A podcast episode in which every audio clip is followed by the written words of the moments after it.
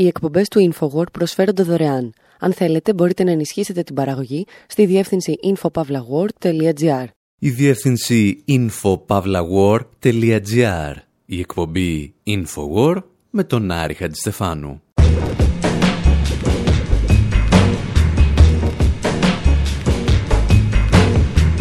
Όπου σήμερα αποχαιρετούμε με μικρή καθυστέρηση τον Ρόμπερτ Φίσκ, έναν από τους σημαντικότερους πολεμικούς ανταποκριτές και πολιτικούς αναλυτές στην ιστορία της δημοσιογραφίας.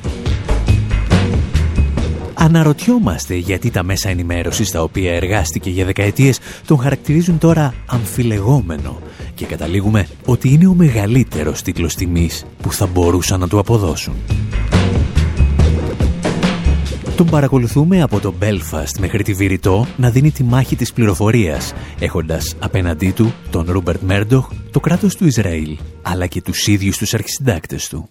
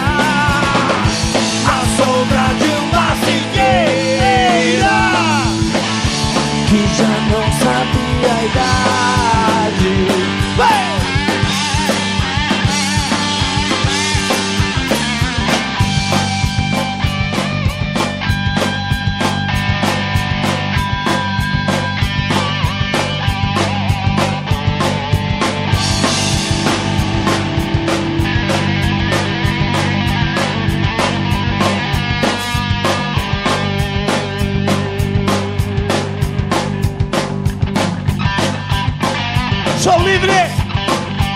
Banda 365! Tamo junto, somos nós!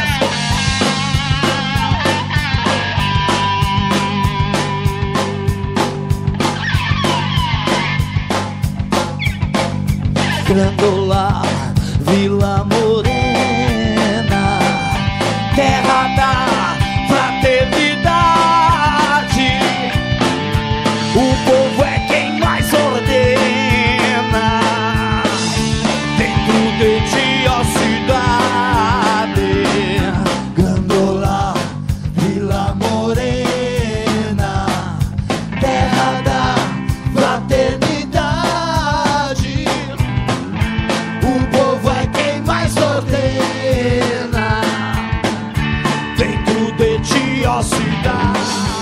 Το πορτογαλικό συγκρότημα 365 διασκευάζει ένα τραγούδι θρύλο για την Πορτογαλία, το Grandola Villa Morena.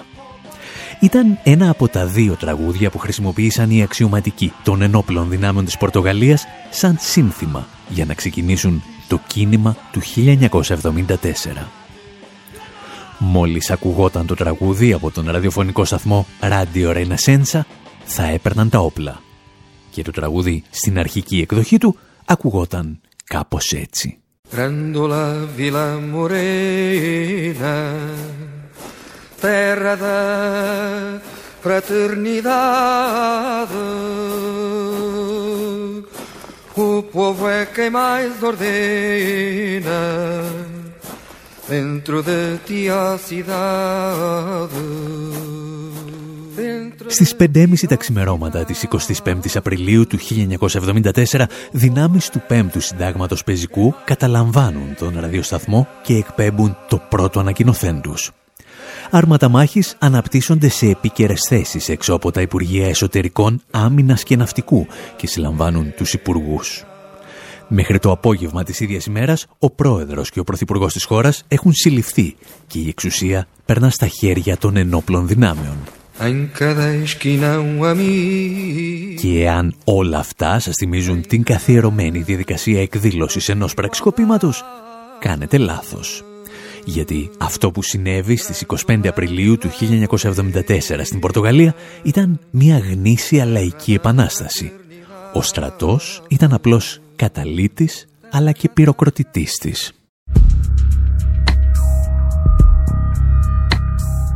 Ένας από τους ανθρώπους που κάλυπταν αυτή την ιστορία για τους Times του Λονδίνου ήταν ο νεαρός τότε Ρόμπερτ Φίσκ. Ο αρχισυντάκτης του τον είχε αποσπάσει στην Πορτογαλία από το Μπέλφας της Βόρειας Ιρλανδίας, όπου παρακολουθούσε για χρόνια τις συγκρούσεις του Ιρλανδικού Δημοκρατικού Στρατού με τα Βρετανικά στρατεύματα κατοχής. Και οι δύο μεγάλες ιστορίες που είχε καλύψει μέχρι τότε ο Φίσκ συσχετίζονταν με την απικιοκρατία. Στο Μπέλφαστ γνώρισε τη δράση των Βρετανικών στρατευμάτων που λειτουργούσαν σαν στρατός κατοχής. Στην Πορτογαλία κάλυψε ένα κίνημα και μια επανάσταση τα οποία μπόρεσαν να αναπτυχθούν ακριβώς επειδή η χώρα κλειδονιζόταν από τα εθνικοαπελευθερωτικά κινήματα που αναπτύσσονταν στις απικίες της.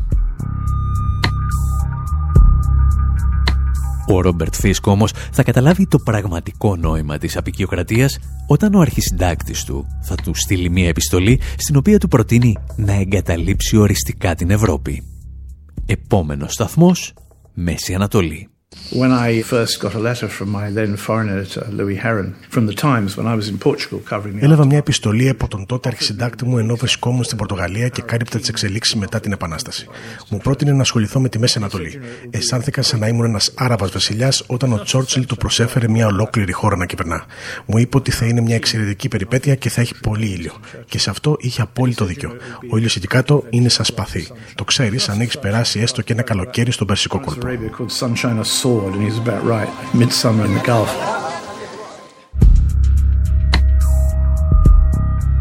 Ο Ρόμπερτ Φίσκ μιλούσε εδώ στο ντοκιμαντέρ This is not a movie, το οποίο παρακολουθήσαμε πριν από ένα χρόνο στο Φεστιβάλ Ντοκιμαντέρ Θεσσαλονίκης. Στη Μέση Ανατολή λοιπόν, ο Ρόμπερτ Φίσκ θα γνωρίσει το πραγματικό πρόσωπο της βίας και θα κατανοήσει ότι αυτή είναι η μαμή της ιστορίας. Κυρίως όμως θα καταλάβει πως όσα του έλεγαν όλα αυτά τα χρόνια για την υποτιθέμενη αντικειμενικότητα στη δημοσιογραφία ήταν μία απάτη.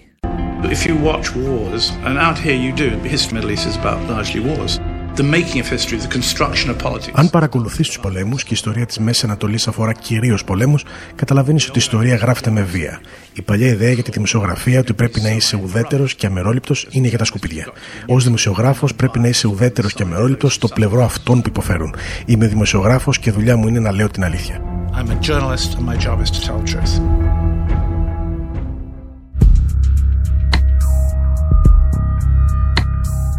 Ο Ρόμπερτ Φίσκ θα συνεχίσει να λέει την αλήθεια σε όλη του την καριέρα και στη Μέση Ανατολή θα καταλάβει ότι αυτή την αλήθεια πρέπει να την λες με τις πιο φρικιαστικές της λεπτομέρειες.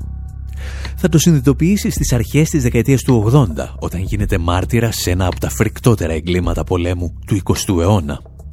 Θα μας τα εξηγήσουν όμως πρώτα οι Specials.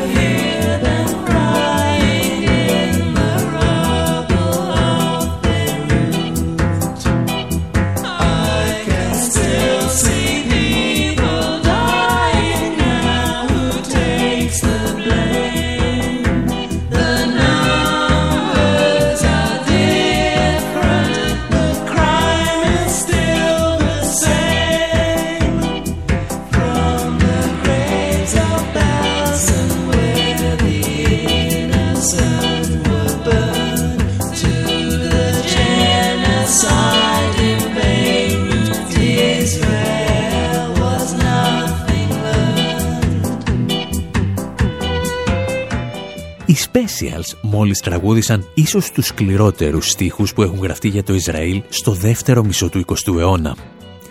Από τους τάφους, λέει, του Μπέλζεν, όπου έκαιγαν τους ανθρώπους μέχρι τη γενοκτονία στη Βηρητό, το Ισραήλ δεν έμαθε τίποτα. Λέγοντας Μπέλζεν, οι Specials αναφέρονται φυσικά στο στρατόπεδο συγκέντρωσης και εξόντωσης Bergen-Belsen, όπου οι Ναζί έκαιγαν Εβραίους αλλά και εχμαλώτους από τον Σοβιετικό στρατό. Και λέγοντας γενοκτονία της Βηρητού, αναφέρονται στην Ισραηλινή εισβολή του 1982 στο Λίβανο. Ο Ρόμπερτ Φίσκ, όπως μπορείτε να φανταστείτε, ήταν εκεί και έδινε μαθήματα για το πώς οφείλεις να καλύπτεις δημοσιογραφικά μια τέτοια άνθρωπος σφαγή. That year changed Lebanon forever. It changed us too. Made our lives as journalists more dangerous. Εκείνη τη χρονιά άλλαξε για πάντα το Λίβανο. Άλλαξε και εμά. Έκανε τη ζωή των δημοσιογράφων πιο επικίνδυνη. Οι δημοσιογράφοι είναι οι αυτόπτες μάρτυρες της ιστορίας και εγώ τα είδα όλα μπροστά στα μάτια μου. Έβλεπα τους Ισραηλινούς να σκοτώνουν χιλιάδες μουσουλμάνους με όπλα που τους χορηγούσαν οι ΗΠΑ. Τους βλέπαμε να πεθαίνουν στα νοσοκομεία με τα σώματά τους καμένα και διαλυμένα. Είδαμε μωρά που σκοτώθηκαν από Ισραηλινές βόμβες φωσφόρου. Στο τέλος της Ισραηλινής εισβολής στα στρατόπεδα της Σάμπρα και της Ατήλα, οι σύμμαχοι των Ισραηλινών έσφαξαν εκατοντάδες Παλαιστίνιους ενώ οι Ισραηλινές δυνάμεις παρακολουθούσαν.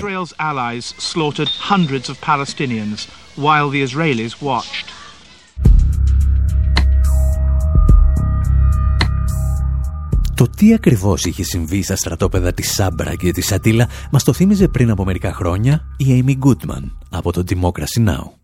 On September 18, 1982, the Lebanese Christian militia forces, allied with Israeli military forces, slaughtered up to 2,000 unarmed Palestinians. Στις 18 Σεπτεμβρίου του 1982, οι χριστιανικές ομάδες ενόπλων του Λιβάνου που είχαν συμμαχίσει με το στρατό του Ισραήλ έσφαξαν περίπου 2.000 άμαχους Παλαιστίνιους στους προσφυγικούς καταβλισμούς στη Σάμπαρα και της Σατήλα έξω από τη Βηρητό.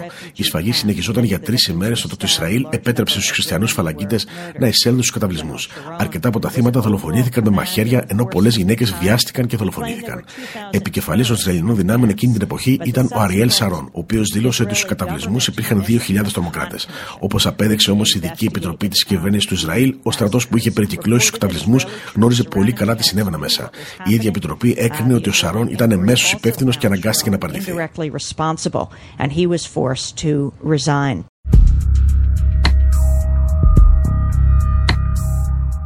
Ο Ρόμπερτ Φίσκ είναι ένας από τους πρώτους δημοσιογράφους που φτάνουν στο σημείο της φαγής και έκτοτε γνωρίζει ότι ο μόνος τρόπος για να αποτρέψεις την επόμενη σφαγή είναι να εξηγήσεις στον κόσμο με κάθε λεπτομέρεια όσα είδες με τα μάτια σου στην προηγούμενη σφαγή. And there was a kind of earth embankment, just like this one. The place has changed so much, new, new buildings, but there was an earth embankment like this. Θυμάμαι ότι υπήρχε ένα ανάχωμα σε κάποιο σημείο. Προσπάθησα να ανέβω στην κορυφή και όταν τα κατάφερα αυτό έγινε μαλακό και άρχισε να κουνιέται.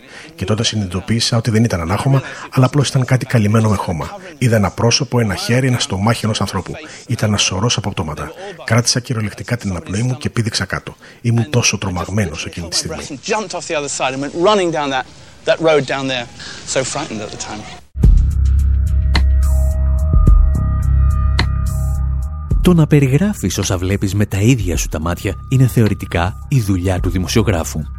Ταυτόχρονα όμως είναι και ένας λόγος για τον οποίο οι δράστες των εγκλημάτων θέλουν να σε κάνουν να σιωπήσεις.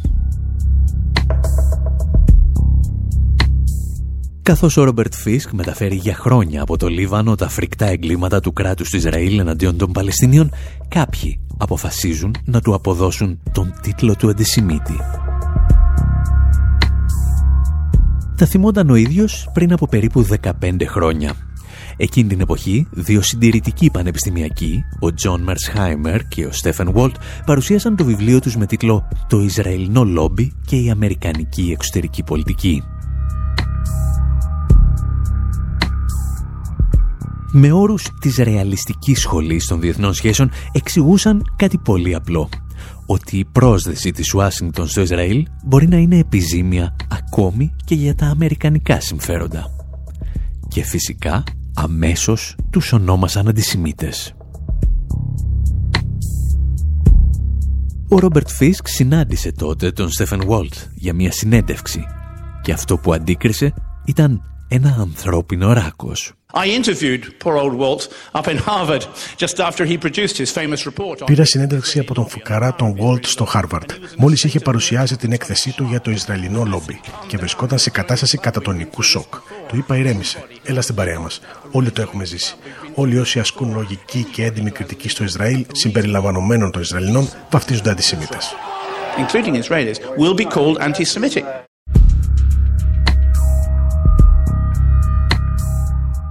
Αυτό που πραγματικά ανησυχούσε τον Ρόμπερτ Φίσκ δεν ήταν αν ορισμένοι θα τον αποκαλούσαν αντισημίτη γιατί μετέφερε όσα έβλεπε στη Μέση Ανατολή. Αυτό που τον ανησυχούσε ήταν ότι αν το Ισραήλ χαρακτηρίζει αντισημίτες όσους του ασκούσαν κριτική, στην πραγματικότητα αυτό που έκανε είναι να ξεπλένει και να ενισχύει τους αληθινούς αντισημίτες. There are anti-Semites in the world, there are racists. Υπάρχουν πραγματικοί αντισημίτες και ρατσιστές στον κόσμο. Και αν συνεχιστεί αυτή η εκστρατεία κακοποίησης των έτοιμων ανθρώπων, αν συνεχίσουν να προσπαθούν να τους φημώνουν με την κατηγορία του αντισημιτισμού, η λέξη αντισημιτισμό θα αρχίσει να αποκτά σεβασμό. Και αυτό αποτελεί τεράστιο κίνδυνο. Τότε οι πραγματικά κακοί άνθρωποι, αυτοί που θέλουν να καίνε συναγωγές, θα έχουν κερδίσει.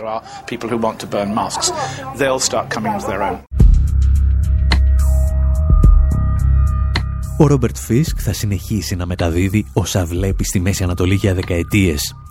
Και όσο το κάνει, τόσο τα δυτικά μέσα ενημέρωσης και οι πολιτικοί θα αποκαλούν τα ρεπορτάζ του αμφιλεγόμενα.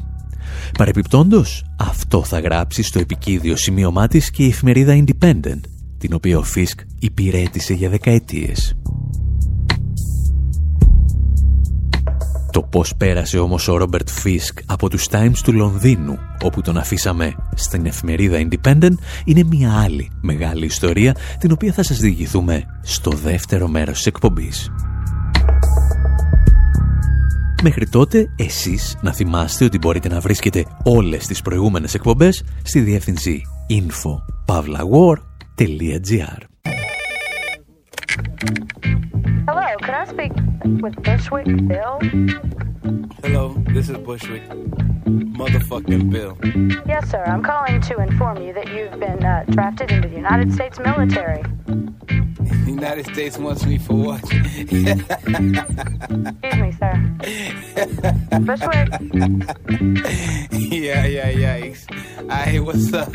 You need to uh, contact your nearest recruiting office immediately, please. I see you're not hip to what's happening. I don't give a fuck about you and all that bullshit you're stressing. Fuck a war. To explain, let me kick it to you a little something like this. Motherfucker war, that's how I feel. Send a nigga to the desert to get killed. Cause two suckers can't agree on something. Thousand motherfuckers died for nothing. You can't pay me to join an army camp or any other motherfucking military branch of its United Goddamn States of that bitch America. Be a soldier what for? They put niggas on the front line,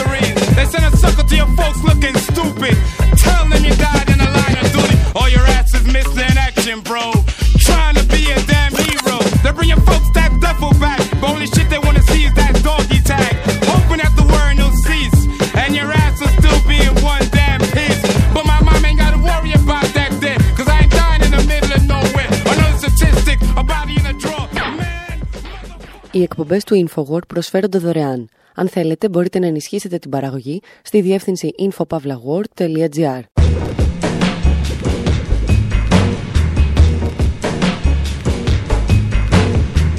Εκπομπή Infowar, μέρος δεύτερο. όπου συνεχίζουμε να διηγούμαστε ιστορίες από τη συναρπαστική ζωή του πολεμικού ανταποκριτή Ρόμπερτ Φίσκ, Τη ζωή που διακόπηκε απότομα στις 30 Οκτωβρίου του 2020. Τον είδαμε να περπατά κυριολεκτικά και ουδέποτε μεταφορικά επιπτωμάτων για να μεταφέρει μία είδηση.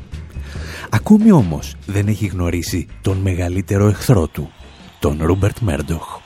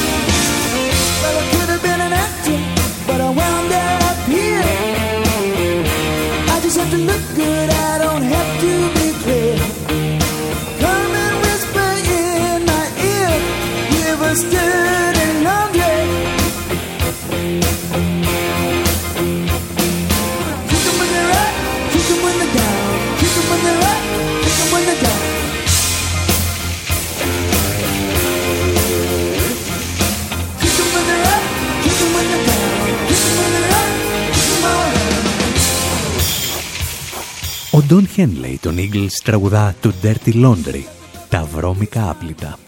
Ένα τραγούδι για το βρώμικο ρόλο των μέσων ενημέρωσης. Και εμείς επιλέξαμε τη συγκεκριμένη ζωντανή ηχογράφηση για έναν πολύ συγκεκριμένο λόγο.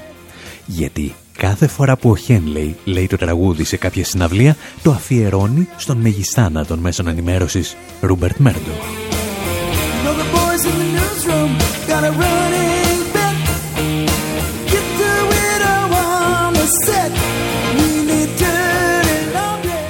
Ήρωας της δικής μας ιστορίας, ο μακαρίτης Ρόμπερτ Φίσκ, είχε την ατυχία να γνωρίσει τι εστί Μέρντοχ όταν ο τελευταίος εξαγόρασε τους Times του Λονδίνου και τους μετέτρεψε σε ένα από τα πιο χιδέα όργανα προπαγάνδας. The number of times in Beirut at risk, I've gone out on stories and written them, and by and large I know that when I. Θυμάμαι στη Μέση Ανατολή να παρακολουθώ ιστορίες με κίνδυνο της ζωής μου. Και σε γενικές γραμμές γνώριζα πως όταν παρακολουθούσε ένα θέμα, το κείμενό μου θα δημοσιεύονταν.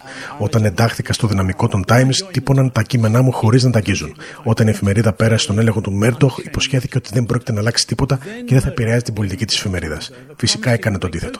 Οι τίτλοι στα κείμενά μου άρχισαν να έχουν άποψη για το περιεχόμενο. Συχνά ερχόντουσαν σε σύγκρουση με αυτά που εγώ ήθελα να πω στο κείμενο.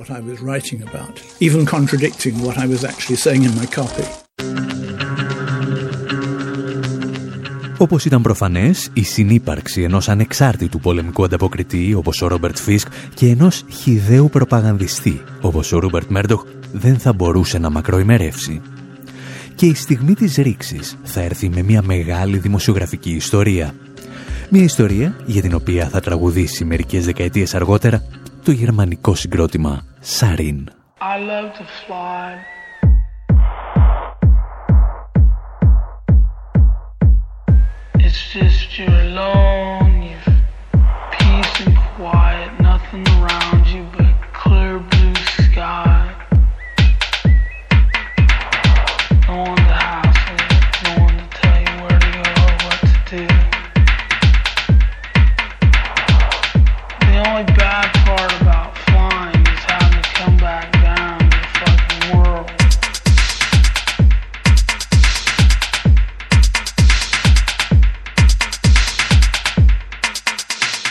Μουσική που ακούτε λοιπόν είναι ένα δημιούργημα του γερμανικού συγκροτήματος Σαρίν και ο λόγος για τον οποίο την επιλέξαμε είναι ότι το κομμάτι έχει τον τίτλο Flight 655. όπου 655 ήταν ο αριθμός της πτήσης των Ιρανικών αερογραμμών που κατέριψαν οι Ηνωμένες Πολιτείες το 1988, στέλνοντας στο θάνατο σχεδόν 300 ανυποψίαστους ανθρώπους. Εκείνο το πρωινό της 3ης Ιουλίου του 88 οι Αμερικανοί πολίτες αλλά και ολόκληρη η ανθρωπότητα ξυπνούσαν με έκτακτα δελτία ειδήσεων σαν και αυτό. Καλησπέρα. Οι Ηνωμένες Πολιτείες παραδέχθηκαν ότι ένας πύραυλος που εκτοξεύθηκε από αμερικανικό σκάφος στον Περσικό κόλπο κατέριψε κατά λάθος ένα ιρανικό επιβατικό αεροσκάφος. Οι 290 επιβαίνοντες πιστεύετε ότι είναι νεκροί. Στο Πεντάγωνο, ο ναύαρχος William Crow, αρχηγός Γενικού Επιτελείου Ενόπλων Δυνάμεων, ανέφερε ότι ο πύραυλος προήλθε από το αμερικανικό καταδρομικό USS Vincennes, το οποίο πίστευε ότι δέχεται επίθεση από ένα ιρανικό μαχητικό F-14.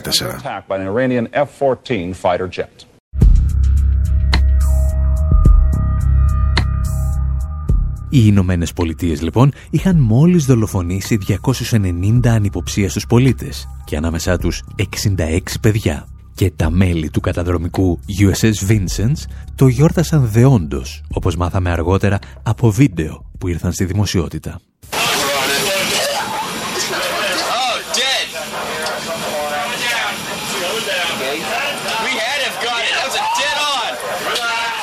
Εκείνες τις ημέρες ο Ρόμπερτ Φίσκ ταξιδεύει στην περιοχή και αποδεικνύει ότι η κατάρριψη του αεροσκάφους έγινε σκόπιμα, ενώ οι Αμερικανικές δυνάμεις δεν δέχονταν κανενός είδους απειλή. Το κείμενό του όμως την επόμενη μέρα λογοκρίνεται στους Times του Λονδίνου, ιδιοκτησίας του Ρούμπερτ Μέρντοχ. Στο editorial της μάλιστα η εφημερίδα άφηνε να εννοηθεί ότι ο πιλότος του Ιρανικού αεροσκάφους ίσως να επιχειρούσε μια αποστολή αυτοκτονίας. Όπως τα εξηγούσε χρόνια αργότερα ο Ρόμπερτ Φίσκ, η στάση αυτή της εφημερίδας ήταν το αποτέλεσμα συνεχών επαφών που είχε ο Μέρντοχ με Αμερικανούς και Ισραηλινούς αξιωματούχους. Η αυτοκρατορία του είχε μετατραπεί πλέον σε εκπρόσωπο τύπου της Ουάσινγκτον και του Τελαβίβ και ο Ρόμπερτ Φίσκ έπρεπε να φύγει. Το επόμενο σπίτι του θα ήταν ο Independent.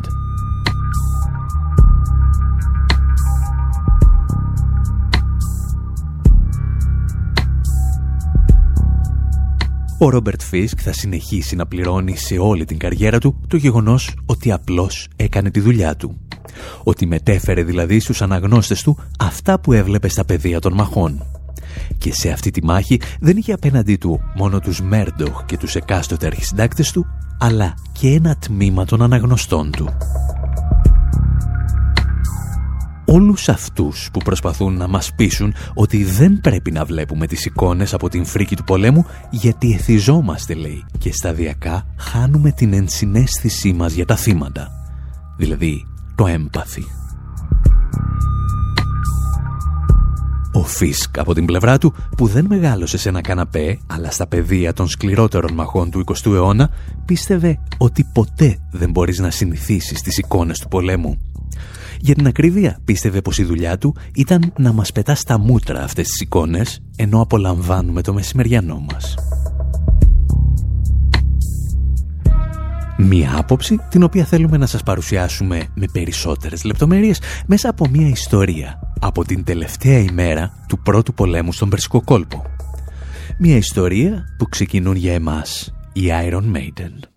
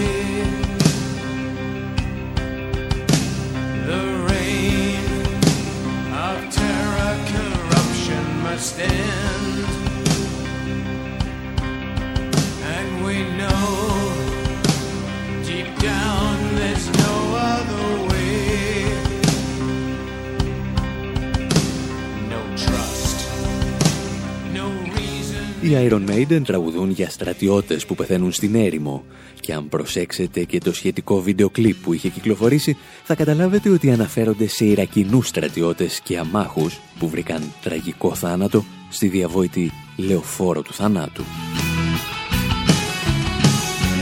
Η λεωφόρος του θανάτου ήταν ο αυτοκινητόδρομος 80 που συνέδεε την πόλη του Κουβέιτ με το Ιράκ και συγκεκριμένα με τη Βασόρα.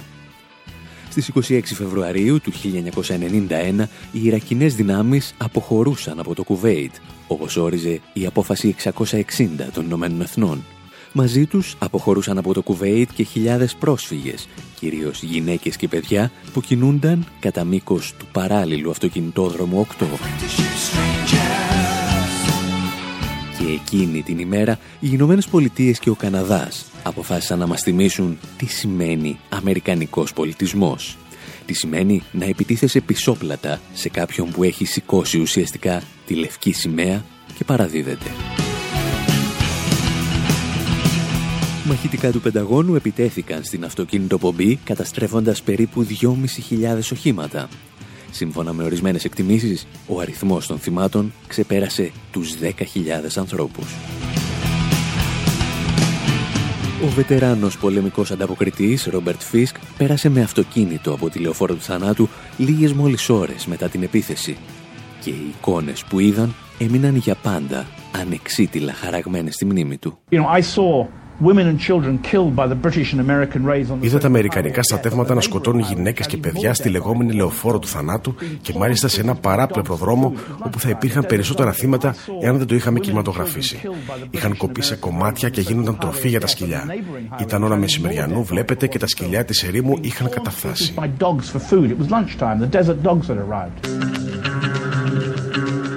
Αυτές οι εικόνες που περιέγραφε ο Ρόμπερτ Φις δεν έφτασαν ποτέ ή έφτασαν με μεγάλη καθυστέρηση και αποσπασματικά στην κοινή γνώμη της Δύσης.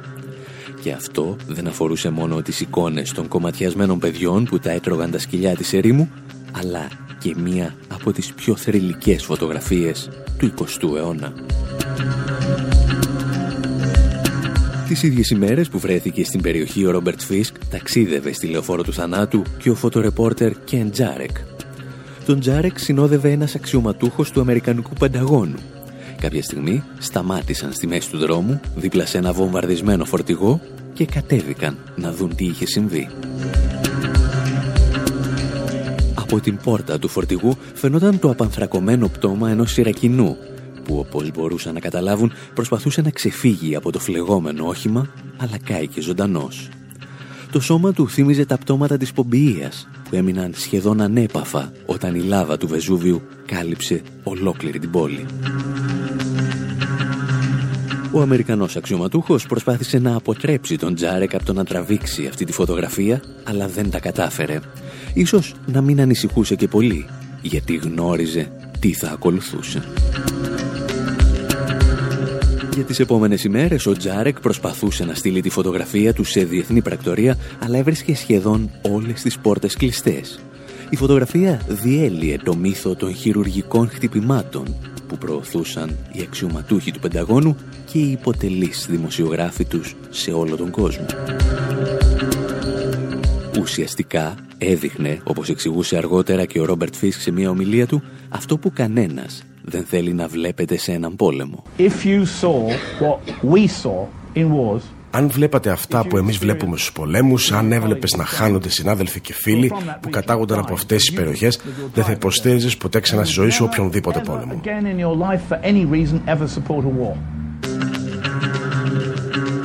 Η φωτογραφία του απανθρακωμένου Ιρακινού περιλάμβανε όλα αυτά που εσείς λοιπόν δεν πρέπει να βλέπετε. Το περιοδικό Time αλλά και το πρακτορείο Associated Press με τα οποία συνεργαζόταν ο Τζάρεκ αρνήθηκαν να τυπώσουν και να διανύμουν την εικόνα η οποία δεν έφτασε έτσι ποτέ στην αμερικανική κοινή γνώμη.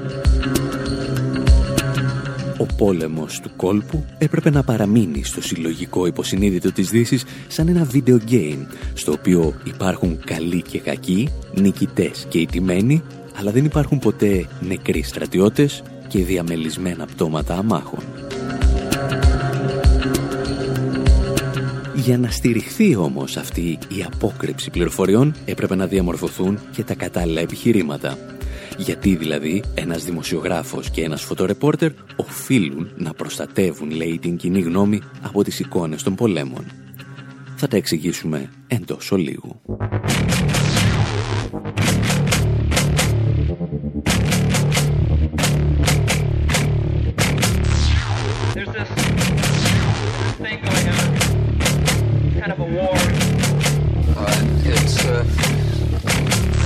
Understood to be a real war. And it's not a new war, it's an old war.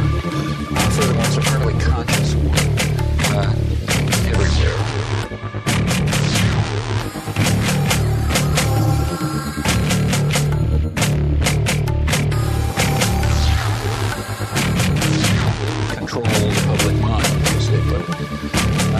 Was the public mind was seen as the greatest threat recognized early on that uh, it's going to be necessary to control people's minds. There's this thing going on, kind of a war. We have the means to carry this out now. We have the means to regiment people's minds as efficiently as armies regiment their bodies. And we must do this.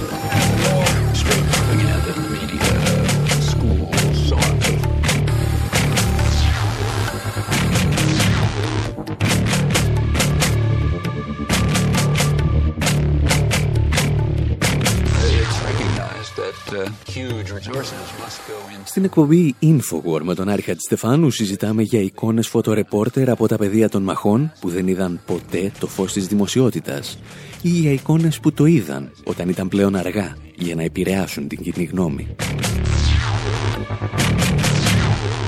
Στο πέρασμα του χρόνου, δεκάδες φωτορεπόρτερ και εικονολήπτες συνάντησαν τις κλειστές πόρτες εφημερίδων και πρακτορείων όταν θέλησαν να μεταδώσουν τη φρίκη των στρατιωτικών επεμβάσεων της Δύσης. Και το Ιράκ, όπως εξηγούσε σε ομιλία του ο Ρόμπερτ Φίσκ, είχε πάντα την τιμητική του. During the 2003 invasion, March and April, Κατά τη διάρκεια της εισβολής στο Ιράκ το 2003, ένας κάμεραμαν του Al Jazeera επέστρεψε από τη Βασόρα με τις πιο φρικιαστικές εικόνες από τραυματισμένα και νεκρά παιδιά. Άρχισε λοιπόν να στέλνει τις εικόνες του σε πρακτορία όπως το Reuters. Κάποια στιγμή όμως τον κάλεσαν από το Λονδίνο και του είπαν ότι δεν υπάρχει νόημα να στέλνει πράγματα που δεν μπορούσαν να δείξουν στην τηλεόραση. Ο εικονολήπτης του Al Jazeera του είπε: Σας παρακαλώ, πρέπει να τα δείξετε. Αυτά συμβαίνουν εδώ. Και η φωνή στο τηλέφωνο του απάντησε. Δεν μπορούμε να τα δείξουμε. Είναι η ώρα για το απογευματινό τσάι και σε κάθε περίπτωση αυτό που στέλνεις είναι ένα είδος πορνογραφίας.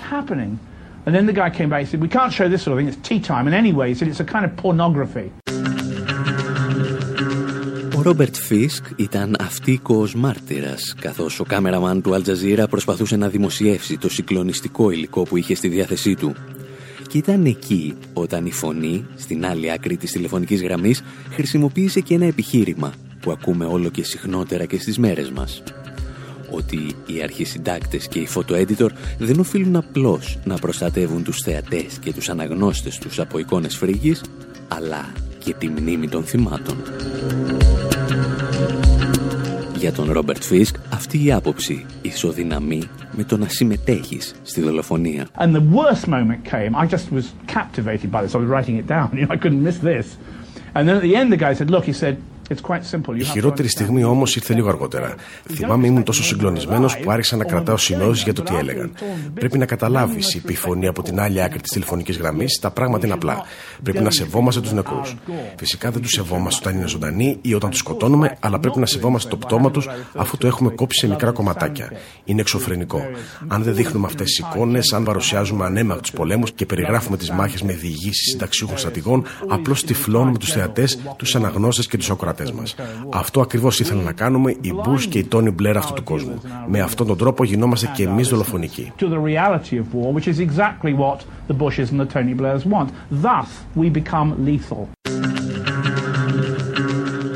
Ο Ρόμπερτ Φις καθιέρωσε τη ζωή του για να μας μεταφέρει τα φρικτά εγκλήματα που πραγματοποιούν οι κυβερνήσεις της Δύσης στη Μέση Ανατολή και σε όλο τον κόσμο.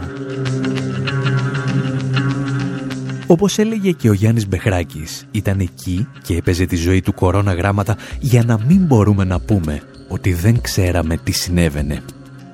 Μία άποψη την οποία κάποτε είχε συμπυκνώσει σε ένα στίχο του και ο Μαγιακόφσκι. Τη σκέψη σας που νύρετε πάνω στο πλαδαρό μυαλό σας σαν πως ξυγκόθρευτος λακές σε ένα ντιβάνι λιγδιασμένο, εγώ θα την τσιγκλάω.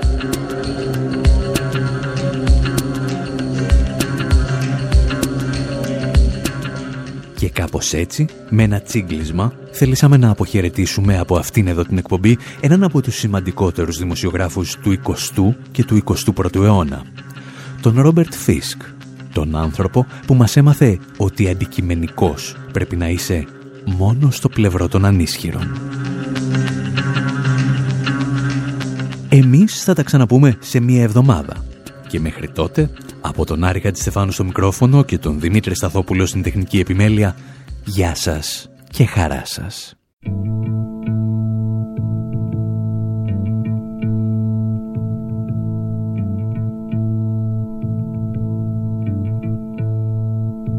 At the starting of the week, at Summit Talks, you'll hear them speak. It's only Monday. Negotiations breaking down. See those leaders start to frown. It's sword and gun day. Tomorrow never comes until it's too late. You could be sitting taking lunch, the news will hit you like a punch. It's only Tuesday. You never thought we'd go to war after all the things we saw. It's April Fool's Day. Tomorrow never comes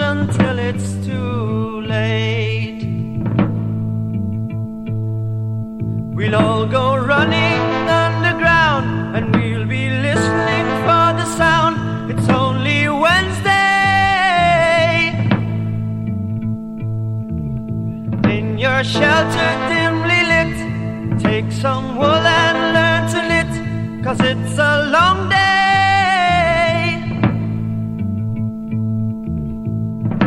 Tomorrow never comes until it's too late. You hear a whistling overhead. Are you alive or are you dead? It's only Thursday.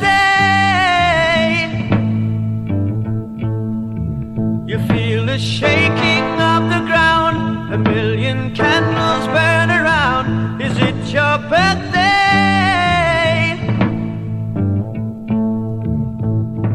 Tomorrow never comes until it's too late. Oh, that shelter is your home, the living space you have outgrown.